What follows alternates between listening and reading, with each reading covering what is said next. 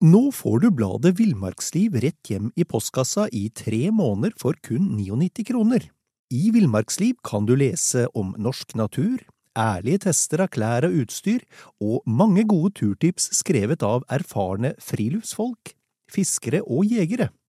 Send SMS VILL36 til 2205 og motta bladet allerede neste uke. Lev livet villere med bladet Villmarksliv. Hi, I'm Daniel, founder of Pretty Litter. Cats and cat owners deserve better than any old fashioned litter. That's why I teamed up with scientists and veterinarians to create Pretty Litter. Its innovative crystal formula has superior odor control and weighs up to 80% less than clay litter. Pretty Litter even monitors health by changing colors to help detect early signs of potential illness. It's the world's smartest kitty litter.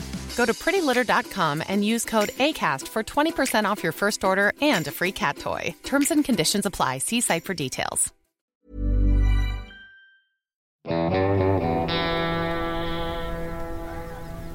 Velkommen til podkasten Villmarksliv.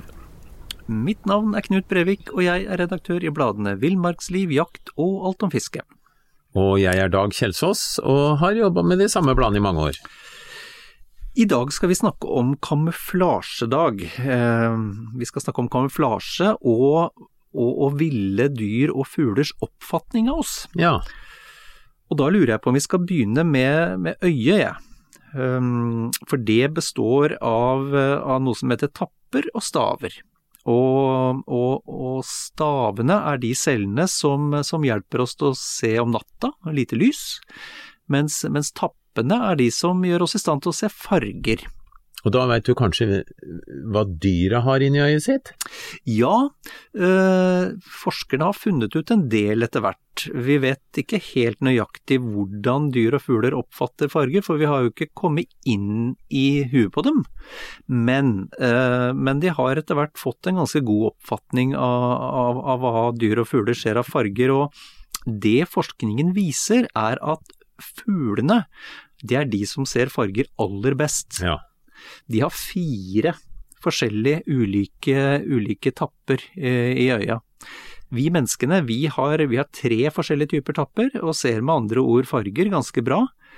Mens, eh, mens eh, hundedyr, hjortevilt, rovdyr, harer, de har to forskjellige typer tapper. Så de ser dårligere farger, ser eller dårligere. færre kanskje, da. Ja, og, og det de, de tenker, tenker jeg, og, og det er vel også en oppfatning blant, blant um, viltforskere, at, uh, at det skyldes at de er uh, langt overveiende nattaktive, og da har de ikke så mye behov for, for å se farger, men de har behov for å se i dårlig, i dårlig lys. Mm. Så, um, så, så det er på en måte det er på en måte utgangspunktet for synet. Fordi eh, når det gjelder kamuflasje, så er det veldig, veldig ofte der dyr og fugler oppdager oss. Ja, vi eh, er for dårlig kamuflert, eh, kamuflert eller feil kamuflert. Ja. Men nå har jo, det er mange år siden nå, så begynte det å komme klær på markedet med oransje og rødt Mm. i mønsteret, Mm, som, som jegere og naturfotografer eksempel bruker, da. mm, og hensikten for oss, det er jo at andre jegere for eksempel skal se oss. Ja. Eh, men i starten særlig så tror jeg veldig mange tenkte at jeg, dette går jeg ikke med, for elgen ser jo den rødfargen, så, så det er bare tull. Men så sier da vitenskapen nå at elgen ser sannsynligvis ikke den rødfargen. Nei, han gjør ganske sikkert ikke det. Altså, de mener vel det at eh, det er overveiende sannsynlig at, eh, at hjortevilt, eh, både elg og, elg og hjort og rådyr og rein, ser, oppfatter, eh, oppfatter verden i sånn blågrønne farger. Mm. Eh, Så, sånn at det som Nå sitter jo du i en flott rød skjorte, Dag. Eh, Hadde jeg vært, en, eh, vært et hjortevilt, hvilket jeg er glad jeg ikke er, bare for å ha sagt det, så ville den fremstått for meg som blå, sannsynligvis blåaktig, grønnaktig.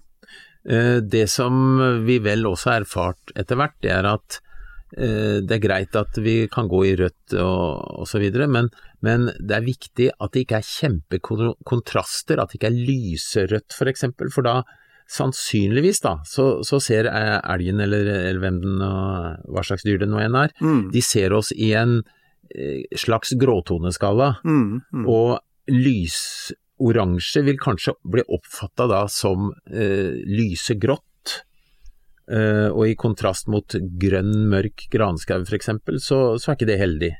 Nei, og så er det jo et eller annet med det, den, den tradisjonelle kamuflasjen, da. Den består jo av, eh, det, av mange felter og mange farger. Uh, og, og, selve poenget med det er jo, er jo å bryte store flater. Altså ja. sånn at uh, hvis, du, hvis, du, er i, i, i, helrødt, da, så vil jo det være en ganske stor flate mm, med, mm. med én, selv om enten nå viltet oppfatter den i gult eller grønt, så vil det være én ganske stor flate. Ja, ja. Uh, så poenget er jo å bryte denne flaten, og det, og det er jo litt av, av tanken bak den, det som skottene kaller for sånne gillisuter. Mm. Det finnes helt sikkert et bedre norsk navn for det, så du er vanligvis mye bedre på det enn meg. Vi kan kalle, kalle, det løvkammo, da. Ikke altså, sant? Løvkammo, det, det, det, henger liksom litt greiner og sånn på deg. Ja, ja for, for, da får du i tillegg til at, til at flatene brytes, så får du jo det elementet, dybdeelementet, da. Ja, ja. Uh, en ting som, som, vi også som i, i, hvert fall bare for, å, bare for, å, fastslå det, da, sånn at uh, når, når jegere eller andre kler seg i rødt, så ser mennesket det veldig tydelig, fordi vi har uh, forholdsvis godt fargesyn. Mens det vi skal se etter, enten vi går med kamera eller våpen, det vil, det vil ikke se det i rødt. Med Men, unntak av fuglene. Ja, vel å merke. Altså hvis du skal uh, ta bilde av en uh, orrhanna f.eks., mm. og du kommer med rød lue, mm. da, da, han er ikke så dum at han tror det er eh, den røde kammen på en annen århanna, da skjønner han at det er noe mye, mye større og farligere. Mm. mm. Mens en, uh, en bukk, hjortebukk eller en elg mm. sannsynligvis ikke da reagerer. Nei. Det kan jo også hende at orrhannaen tror det er et kjempestort tyttebær. ja det... Som kommer ruslende? Knut, jeg er ikke helt sikker på om du lykkes i alle dine kamuflasjeforsøk, men det var Ja. Nei, men, men, det er jo kjent at eh, hvis du f.eks. vil ta bilde av en dompap om våren, mm. når de uh, markerer ved reir og sånt noe, så kan du ta en rød tennisball og sette borti ei buske, så kommer dompapen og tror det er en konkurrent, liksom. Mm. Altså hannen, da, som, som ser det såkalt røde brystet på den eh, ballen. Mm, mm. Eh, så, så, det er ikke noe tvil om at f.eks. rødt er noe fuglene ser. Og de bruker jo dette her faktisk også i sine Ja, orrhannen, for å nevne den, han får jo oppblåst rød kam under spillet. Mm, mm. så, så, det oppfatter de, helt mm. klart. Og mens vi er inne på det her med, med, med syn og kamuflasje, så er det, er en ting som har, har, slått meg veldig ofte uh, i fjellet. Og det er at på, på litt avstand så vil selv forholdsvis lyst tøy fremstå som nesten svart når du ser, ser det på litt Altså hvis, hvis, du møter folk i fjellet, uh, og du ser dem på litt avstand, enten er det kikkerten eller med bare øyer, så så, så, skal være, så, skal det ikke være, mye farge i tøyet, for det fremstår som nesten svart, altså. Det er litt interessant, eh, fordi eh, industrien prøver liksom å lage grønne klær til jegere, mm, mm. og mørkegrønne klær, som du sier. Det ser helt svart ut når du ser det, når du sitter sjøl og venter på en jeger som kommer. Han kommer i, i grønne kamuflasjeklær, og mm. så ser han ut som han er svart. Mm. Og noe annet interessant er også det at en del eh, Det er vel stort sett billige kamuflasjeklær, da. De har så skarpe markeringer mellom disse delene, feltene i kamuflasjeuniforma at det faktisk virker nesten mot sin hensikt. Mm, mm. Så, så det, det, er, det, er, veldig fine overganger her, kan du si. Mm, mm. Jeg, eh, jeg, har alltid lurt på, på, hvorfor de som produserer fritidstøy, enten er til jegere eller naturfotografer naturfotograf eller andre, hvorfor de ikke i større grad bruker grått. Ja. Altså, for grått er en ganske fin farge, eh, spesielt med litt sånn sjatteringer i grått. Ja, ja, ja. Så, så, så, så funker det perfekt i veldig mange miljøer. Grått og lyse, lyse grønt er, er veldig bra. Og det, det, har nok gått opp for noen, men fortsatt ikke for alle. Men vet du hva, jeg tror det er så, og her, nå er jeg på tynn grunn, jeg merker det, eh, men, men, jeg tror det er så enkelt jeg, som at uh, det er det som selger dårligst, er kanskje gråfargene. Altså det er lettere å selge kamuflasje, kamuflasjetøy i, mm. i sterke grønnfarger. Ja da, det, det ligger nok noe der også. Men, men eh, beste middelet, eh, beste måten å finne ut hvor, hvordan du oppfattes av dyr, det er jo faktisk å tenke deg at du ser deg sjøl fra avstand eh, når du er i det miljøet vi snakker om. Mm. Og det er jo noen som har klart å fremstille eh, fjellkammo som ser ut som sånn lav på steiner og sånt noe, og den er så god at du, du kan gå på to meter fra en jeger som sitter helt rolig og dekt av det her, og du skjønner ikke at det sitter noen der. Nei. Nei. Så det er mange som har vært flinke òg. Det er sant. Ja, ja. Det er sant. Ålreit. Um, det var litt om, om, om synet. Um, og hvis vi skal holde oss litt på, på synet, Dag, så, så er vi over på det her med bevegelse. Ja, det er klart, dyr veit jo ikke alltid hva det er, men de ser en bevegelse, og det, da sier det pling i bollen på dem. Mm. Nå, her er det noe som potensielt er farlig. Mm. Det kan være en fra, av samme art eller noe ufarlig, men det kan også være et rådyr eller en jeger. Så bevegelse er jo generelt et varsel til dyret at eh, oppfatter det det, så, så er det på vakt. Mm. Mm. Og det forteller jo oss at vi skal bevege oss sakte, og så skal vi tenke over hvor og hvordan vi beveger oss, eh, i forhold til bakgrunnen ikke minst, da. Mm. Mm. Det verste eksempelet er jo en som går i silhuett, altså mot eh, lys himmel, og, og du går i silhuett, da kan du ha på deg grønt eller blått eller rødt eller hva du vil, men du ser ut som en, en eh, du se, ses i silhuett, og du, eh, du er så lett å se at det er, du skremmer viltet så sant det er våkent, altså. Reinsflokken ser deg med en gang. Ja, ja, ja. Og da snakker vi ikke bare om på 50 meter, men da kan vi snakke om på noen hundre meter, altså. Mm, mm. Og, det, og det er jo en litt, det er jo selvfølgelighet, men, eh, men noe selvfølgelig skal man jo si. Og det er at det, be, altså bevegelse som ikke synes, eh, den er jo uproblematisk. Altså du kan jo løpe så fort du vil i en bekkedal eller ravinedal, men det er altså den bevegelsen som er synlig for dyret. Da. Ja, og da, da særlig å tenke på sideveis. Mm. For eh, ja, jeg har opplevd å gå mot en reinsflokk på helt åpen mark, hvor jeg innbiller meg at jeg trodde jeg var en stein, og jeg har gått absolutt helt rett uten å huske opp eller ned til sida. Mm, Og da kan bevegelsen eh, for deg sjøl være ganske stor, men for reinen vil ikke det oppfattes. Det er et godt poeng, altså. Og, og, og også den det, det gjelder i forhold til når du, når du skal nærme deg veldig mye dyr, bl.a. når vi skal inn på, på elgloser, så er det jo et av de første råda man får, og som man i og for seg lærer seg fort og etter å ha mislykkes noen ganger, det er jo at du skal gå så vinkelrett på losen og dyret som mulig. Mm. Og da, forbløffende ofte da, så, så, så kommer du innpå altså, men hvis du begynner å bevege deg sideveis, da er du mer eksponert med en eneste gang. Rett imot eller rett ifra, det, det kan være trygt, men som du sier også, hvis, hvis du klarer å komme deg bak noe, så kan du jo selvfølgelig bevege deg kjempefort, og det er av og til nødvendig hvis dyr er i bevegelse. Mm. Og da må du vurdere, det- altså det, da kommer det i tillegg at du skal vurdere terrenget før du setter i gang med et eller annet, Mm. og så kjenner du terrenget, du memorerer, memorerer det i huet, og så der var det en dal, ja da løper jeg som søren bortover der, Mm. og så kan jeg heller gå sakte, sakte, sakte opp med huet for å kikke litt der, Mm.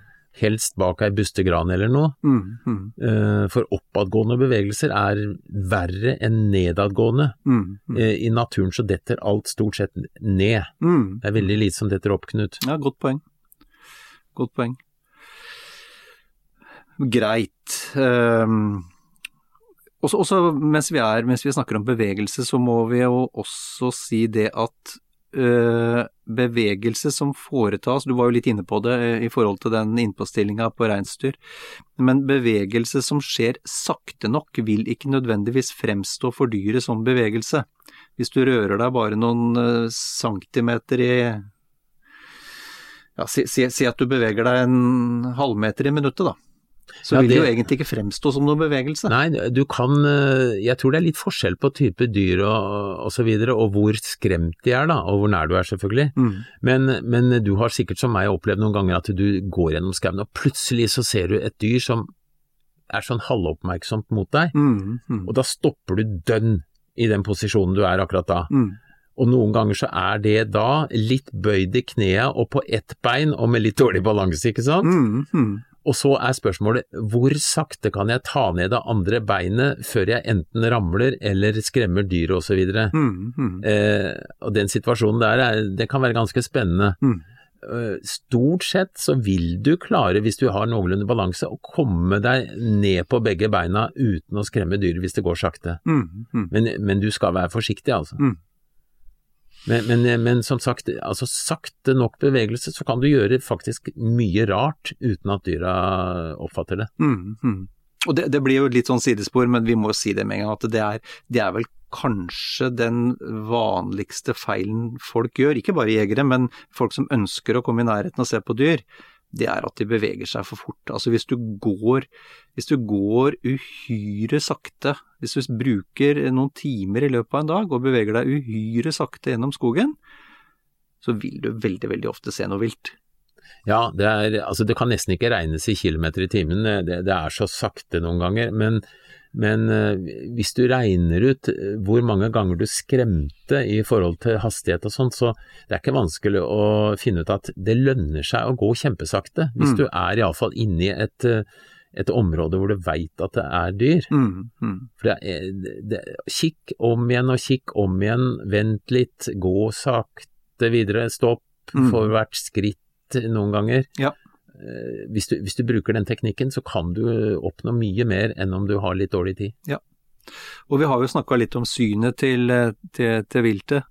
Og, og, og, selv om eksempelvis hjortevilt da ikke har så godt farge, fargesyn som oss, så skal jeg love deg at de ser bevegelse, altså. Ja, det, det trenger vi ikke å diskutere, for det veit vi. vi har alle hørt eh, den der knasinga når det stikker av noe. Mm. Mm. Ok, um, mange, har, mange har, en, har en oppfatning av at kamuflasje kun går på synet til viltet eller til fuglene. Det er ikke tilfellet. Du tenker på lyd? Jeg eh, tenker blant annet på lyd, ja. Eh, Og det er også, lyd er også noe som, eh, som eh, kan kamufleres, Dag. Ja, det, det kan kamufleres eh, noen ganger så, så du bare måper. For jeg, jeg kan ta et eksempel. Det var en reinsbukk jeg visste sto mellom noen steiner, det var så veldig varmt. Og det var bare hvitmose, eller lav da, eh, fram til den. Jeg visste at jeg har ikke sjans på å komme innpå. Og jeg, jeg hadde lyst til å ta bilde av den på litt kort hold. Mm. Eh, og så tenkte jeg, hva gjør jeg nå? Jo, jeg kan forsøke én ting, og det er å lage en jevn lyd. Så jeg satte gummistøvelen ned med hælen først, knasa ned den eh, hvite, harde, bråkete laven så det, det knuspra hele tida. Mm. Og akkurat litt før jeg var ferdig med det ene steget, så begynte jeg med det andre, sånn at det ble sånn Det ble en sammenhengende, lyd, altså. sammenhengende knaselyd. Mm, mm. Og du kan godt tro jeg ljuger, men jeg kom så nær eh, med det kameraet, det objektivet jeg hadde, at jeg måtte rygge litt for å få bilde av den omtrent. Ja, altså det, jeg, jeg kom på andre sida av steinen der den var, da. Ja, ja. Og, og at han hadde hørt den knasinga, det er ikke noe å diskutere, altså, for de hører godt. Mm, mm. Så, og noen ganger så kan du da benytte også bekkelyden for eksempel når du bråker sjøl. Så eh, å være litt smart i forhold til lyd, hvis du må bråke, hvis du veit det så, eh, skjer, så eksempel når det kommer et fly over deg, Mm, så kan du, kan du benytte den kamuflasjelyden der. mm, For det er en form for kamuflasje det òg, da. mm. Det er sant, og, og spesielt det med å bruke bekker, Øh, bevege seg i eller langs bekker, øh, er altså uhyre effektivt. For det, det, det ligger et lydbilde over din lyd hele tida. Så det vil si at du, du kan bevege deg ganske langt, i, veldig, veldig langt i terrenget, uten å lage lyd nesten i det hele tatt. Så har du jo, i bekkene så har du også den fordelen at det der er det ofte litt kaldt, sånn at eh, lufta renner nedover, og så slipper du å værstøkke òg. Ofte drag nedover Ja. der, ja. Så, så hvis du tar kamuflasje som en eh, betegnelse på alt det vi snakker om, så, så kan du, må du tenke på mange elementer samtidig. Mm, mhm. Ja, og, og, og det, det må vi jo. Altså, det, det, har jo lite, det har jo lite for seg hvis, eh, hvis du kamuflerer deg sånn at viltet ikke ser deg, men på den annen side så hører det deg, eller lukter deg, eller Mm, Ok, eh, men det med det, her med, med kamuflasje av lyd, det må vi snakke litt mer om. Uh, og én vi, vi, har jo vært litt inne, innom det, men, men, men, en veldig effektiv måte å kamuflere lyd på, det er jo det er jo dette med å bevege seg sakte. Vi har jo snakka om det ved et par anledninger, men det å bevege seg uhyre sakte. Uh, det, det, rasler jo mm, i de fleste klær eh, hvis du gjør brå bevegelser f.eks. Mm, mm. Og selvfølgelig da, hvis du har noe som skraper mot en grankvist. Mm, uh, og da snakker vi om lyder som, som de dyra ikke er vant til å høre. Mm. En, eh, hvis du hadde hatt elgpels og gått inntil ei gran, så tror jeg det hadde vært noe helt annet enn om du kommer med nylon som skraper. For ja, en eller annen grunn så skjønner jeg at det her hører ikke hjemme her. Mm, mm. Men, men eh, det går, fører jo over til hvordan klærne skal være bygd, og, og med en rufsete overflate. Ull for eksempel bråker jo ingenting når du har bevegelse mot en tørrkvist. Nei, jeg, jeg, mener det fremdeles, jeg, at eh, jeg brukte i mange år eh, brukte jeg, kjøpte jeg bare som vømmerstøy, sånn utdatert vømmerstøy, sånn militært overskuddsmateriale på forskjellige plasser. Ja, ja. Og det er jo ikke noe som er så lydløst som vømmøl. Nei, det er jo helt fantastisk. Og det, det, er mange plagg i dag også som uh, altså kunstfiber uh, som er dratt ut i tråder så, som er en slags pels, da. Mm, mm. Uh, det fungerer jo også på samme måten. Ullet har andre fordeler som vi ikke trenger å snakke om, men, men at det er mykt på utsida, mm, mm, det er viktig. Og da snakker vi om ned til detaljer som knapper, egentlig. da. Mm. Hvis du har en, en, metallknapp som slår inntil en trestamme, så er det nok mm. til å skremme. Mm. Og så tenker jeg at det har litt med å være du, du, har vært veldig flink til å gjøre meg oppmerksom på det opp gjennom åra i hvert fall. Eh, hva slags lyder du hører fra meg når vi beveger oss sammen. Fordi det er man ikke ofte så er man ikke observant på det sjøl. Men jeg, jeg, jeg veit bl.a. at du på et eller annet tidspunkt hvor vi skulle på, på elgjakt, eller var på elgjakt, gjorde, gjorde, du meg oppmerksom på at det kom en sånn rar knirkelyd fra sekken min ja, ja. jeg bevega meg. Ja. Jeg la ikke merke til det, nei, nei, men at en elg hadde hørt det på et par hundre meter, definitivt. Ja. Ja, elgen, det jeg sier alltid, det jeg kan høre av egen lyd, det hører elgen på 100 meter eller 200. Ja, ja.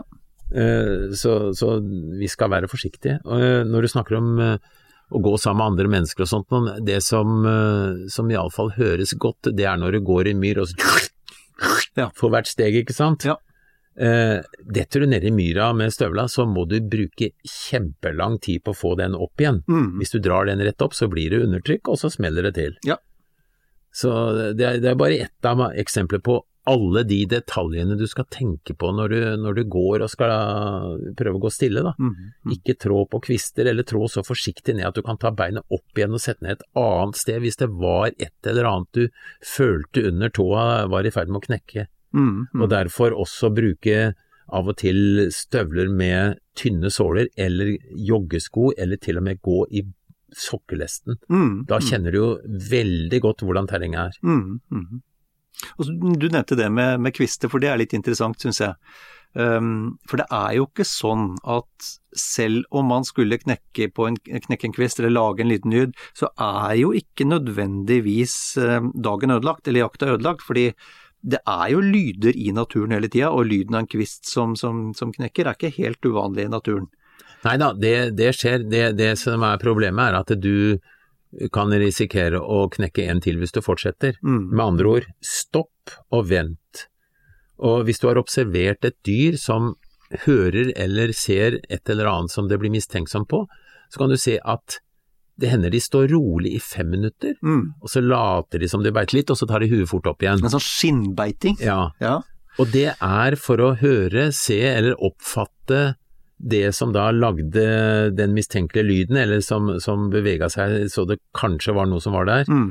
eh, for å få det til å avsløre seg, mm. og for å sikre seg sjøl. For, altså for et, et, byttedyr da, som de er, så er det liv eller død mm. det er snakk om. Mm. Hvis det var en, eh, ei gaupe, da, nå knekker ikke den mye kvister, men om den skulle komme til å gjøre det, da, mm, mm. Så, så, betyr det at uh, du, du, kan avsløre det dyret som er ute for å drepe deg, ikke sant? Mm, mm. Og da må vi snakke litt om hvor langt lyd bærer òg, og det er jo naturligvis i utgangspunktet et helt håpløst spørsmål, fordi, for det avhenger helt av lyden. Men, eh, men, eh, hvor langt unna, er, etter din oppfatning, eh, og du har, du har jakta i mange tiår, Dag, hvor langt unna kan elgen høre oss, f.eks.? Ja, det kommer litt an på hva du gjør. Hvis du går og prater, og, og det er gunstige forhold for elgen, så snakker vi om eh, Da kan vi slutte å snakke 100 meter, men begynne å regne kilometer. Mm, mm. Og, og, det gjelder også værstøkking. Jeg har sett reinflokk bli værstøkt på halvannen kilometer. Mm. Eh, og i silhuett vil jeg nok også snakke om, om den avstanden, så, så, det betyr faktisk at du må, må regne kilometer når du skal være forsiktig, når det er vel å merke ideelle forhold for dyra. Hvis det er kraftig vind så det rusker og rasker rundt i treet, og kanskje snø detter ned fra trær og sånn, så, så, så, kan det være snakk om noen timeter. For da ja, er, er, det så mye bråk som kamuflerer din, din ferdsel at, at, dyra klarer ikke å skille, og, de skjønner ikke noe. Det er interessant, det, for det, det, går rett inn under dette med å kamuflere lyd. Hvis det, hvis det er ordentlig ruskevær, eh, hvis du skal på jakt, eller fotografering for den saks skyld, hvis det er ordentlig ruskevær, så, så setter de jo hørselen til, eh, til, dyra veldig mye ut, i stor grad ut av spill. Og jeg har opplevd det, jeg er ikke spesielt lydløs, jeg, men jeg har opplevd det uh, i fjellet, og det var ikke storm, men det var nok ikke så langt unna heller, for det, det ruska ordentlig, og var ute og jakta.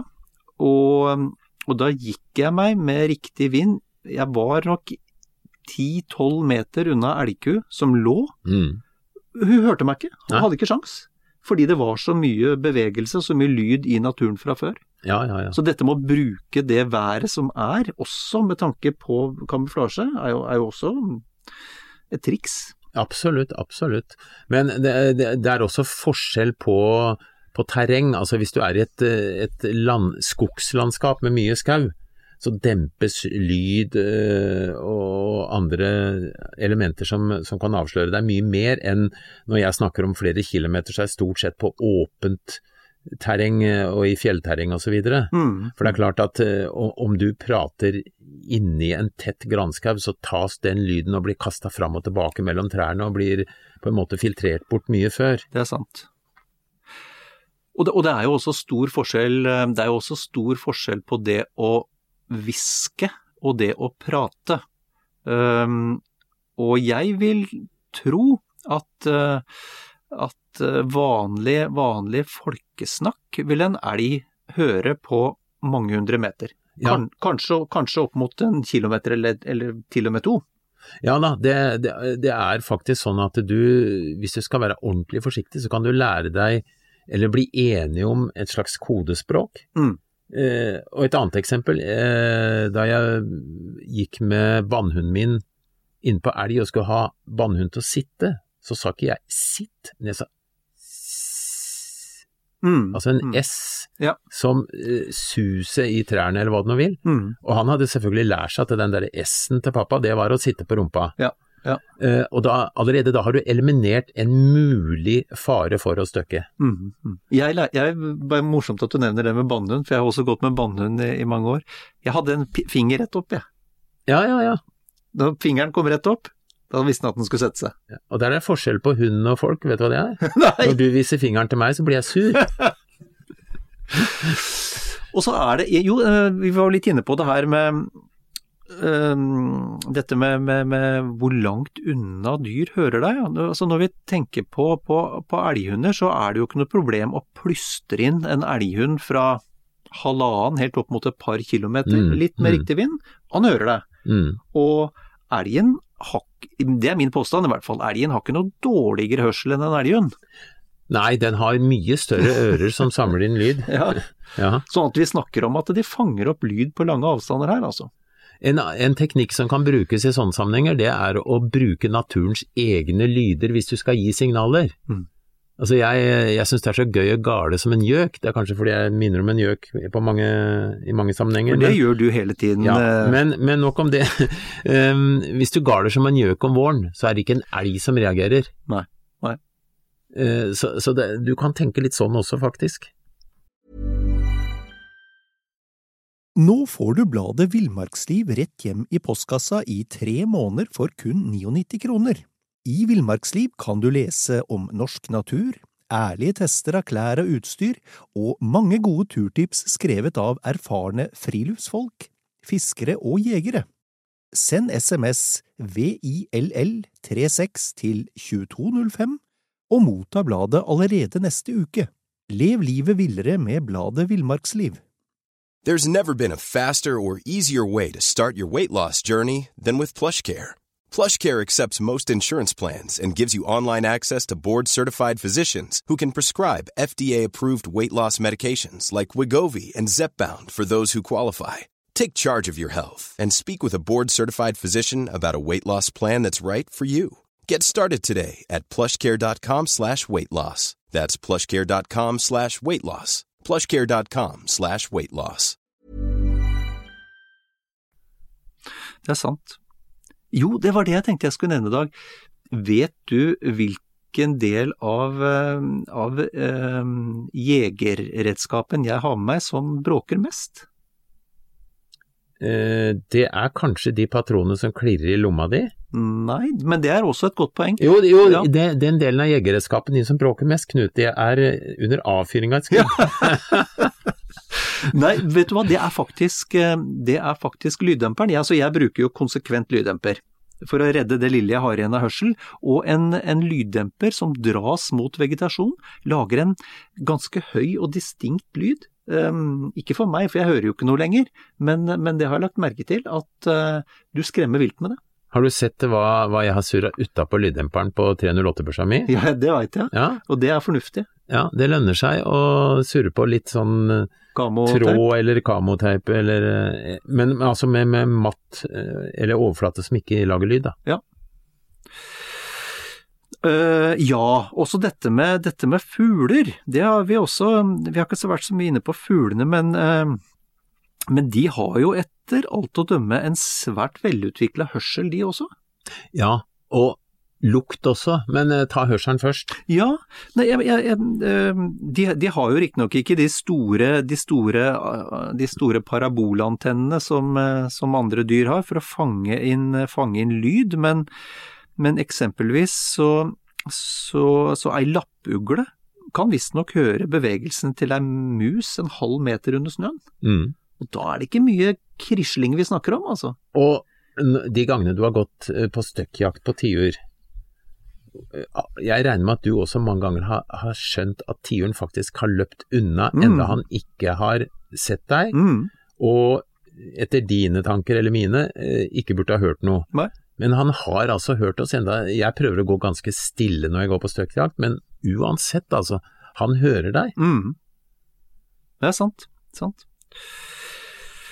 Men, men eh, også eh, litt, litt om eh, lukt. Altså fugler har, iallfall en del fugler har veldig god lukt. Da.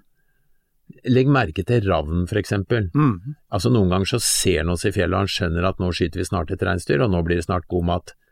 Men jeg har lagt merke til at for eksempel et sjøldødt rådyr som ligger i skauen, det finner ravnen så fort. Høyst sannsynlig på grunn av lukta, for han har ikke mulighet for å se det. Nei. Nei. Eh, så, så at fuglene lukter, ja, Mm. de har lukt. Ja.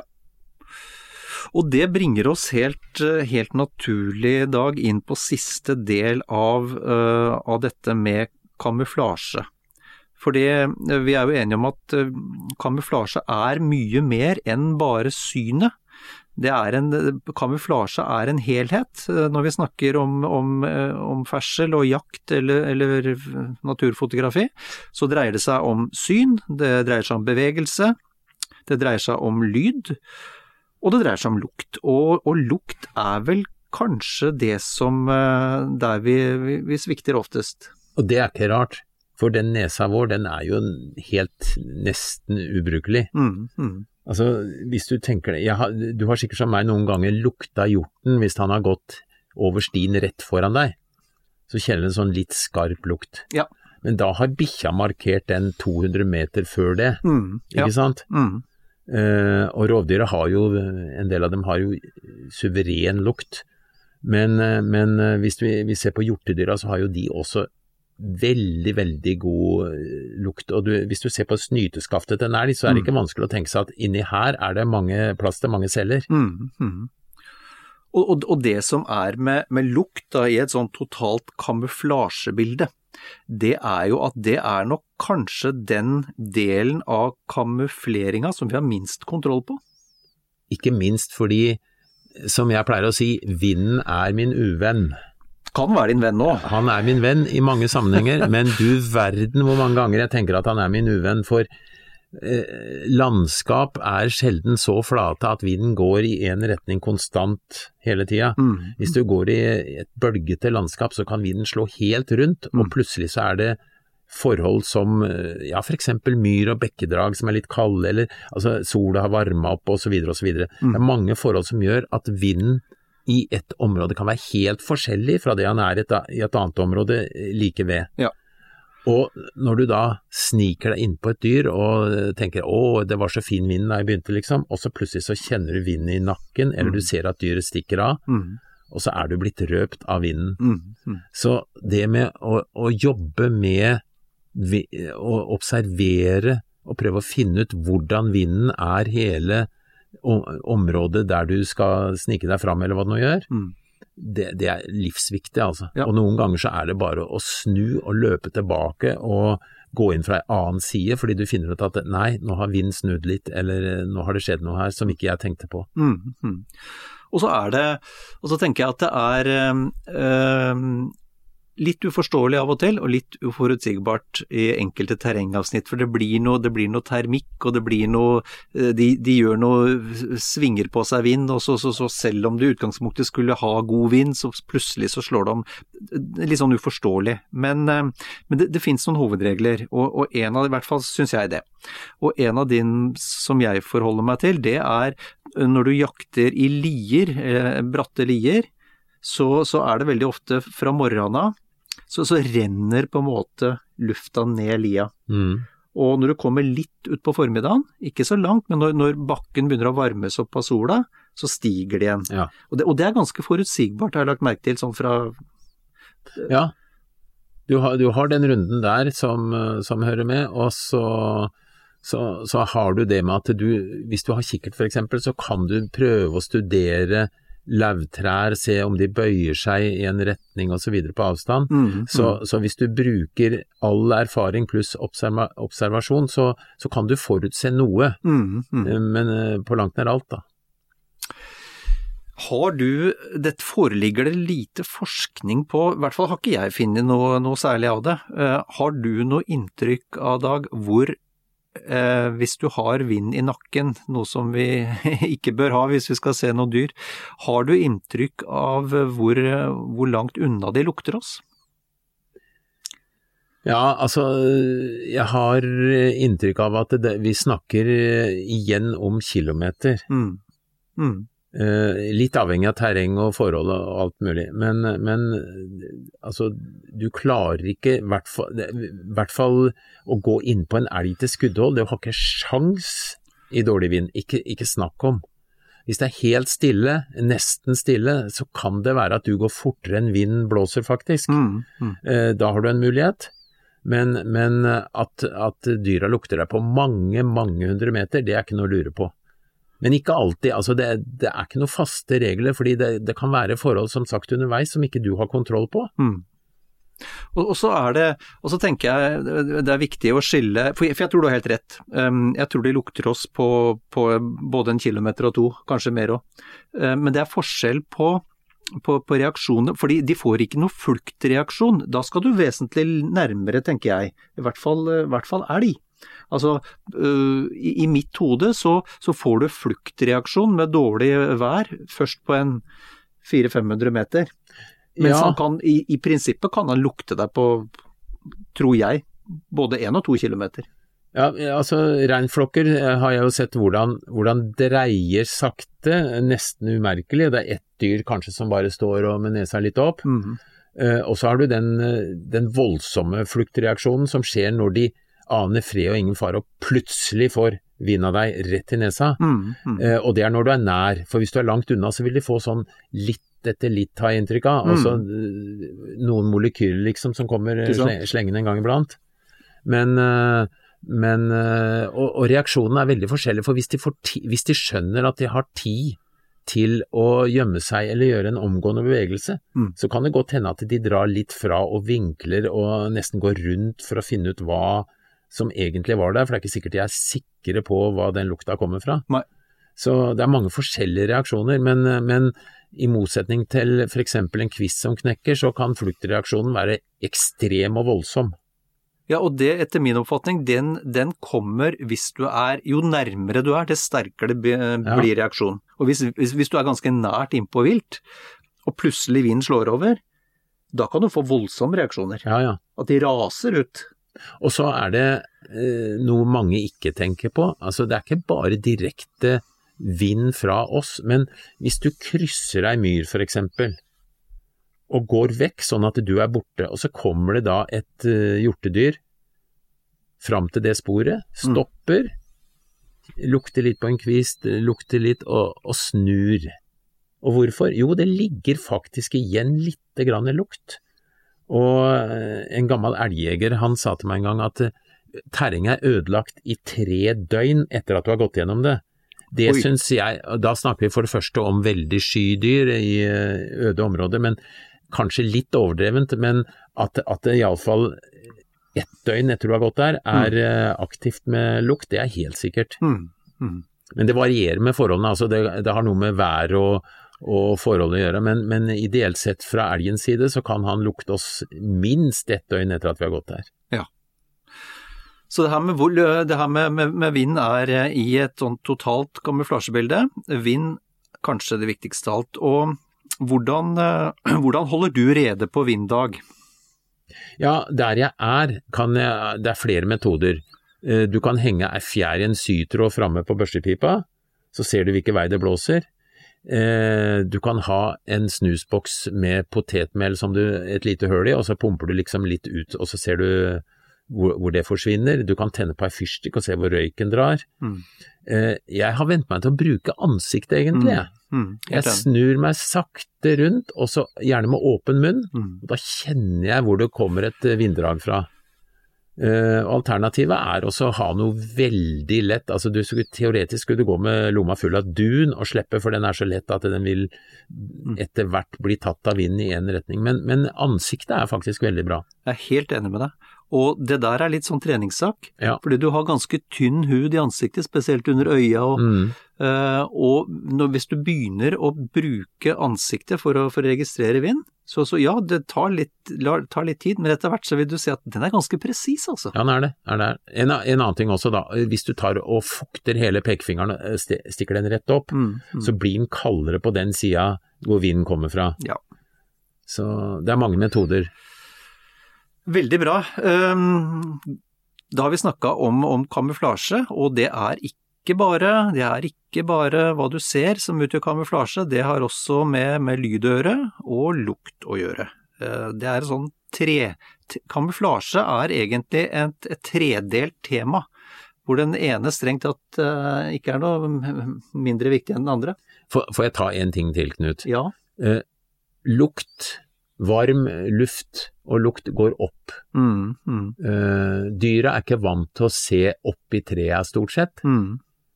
Uh, du bråker ikke når du sitter stille oppi et tre. Altså, som jeg har gjort en god del eh, gjennom eh, livet, klatre opp i et tre og sitt der, Mm, mm, faktisk. Det, det er en utrolig fin måte å kamuflere seg på. Du trenger ikke å være å ha noe kamuflasjeduk rundt deg eller noe, men du må jo sitte litt rolig da. Men jeg har jo opplevd at f.eks. under lokking av elgokser, at elgoksen har kommet og stått inntil furustammen rett under meg. Mm, mm. Uh, og da har den i hvert fall ikke fått lukt av meg, for da hadde den stukket av. Ja. Uh, så, så det er en ganske bra teknikk, fordi som sagt, uh, og også å stå på topper da, Mm. i terrenget hvor lukta ofte går opp. Fordi eh, den, er varm, og så kommer den opp i et vindlag, og så ligger den liksom litt over bakken, sånn at dyra ikke klarer å fange det opp. Mm. Veldig bra, veldig bra tips. Um, et siste som jeg må komme på nå, Dag. Det som ofte lager litt lyd når man beveger seg, vet du hva det er? Det er den hvis, eh, hvis eh, det begynner å ruste litt i rembøylen. Da skriker den litt. På børsa.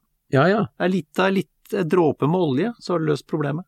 Altså det du bør gjøre er egentlig å ta på deg utrustningen, og så si til noen lytt nå, Mm. og så beveger deg litt og liksom prøve å få fram den lyden du ikke sjøl har fått med deg at, det- Mm. at er der. Veldig bra. Uh, tusen takk for praten. I like måte.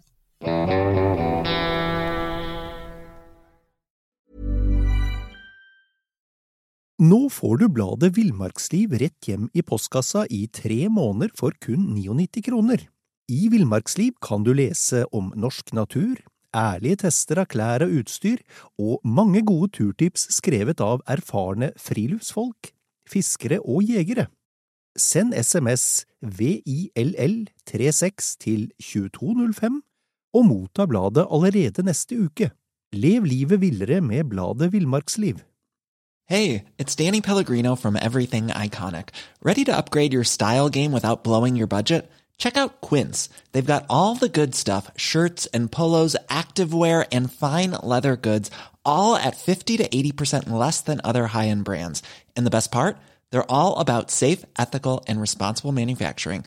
Get that luxury vibe without the luxury price tag. Hit up quince.com slash upgrade for free shipping and 365 day returns on your next order. That's quince.com slash upgrade. Even when we're on a budget, we still deserve nice things.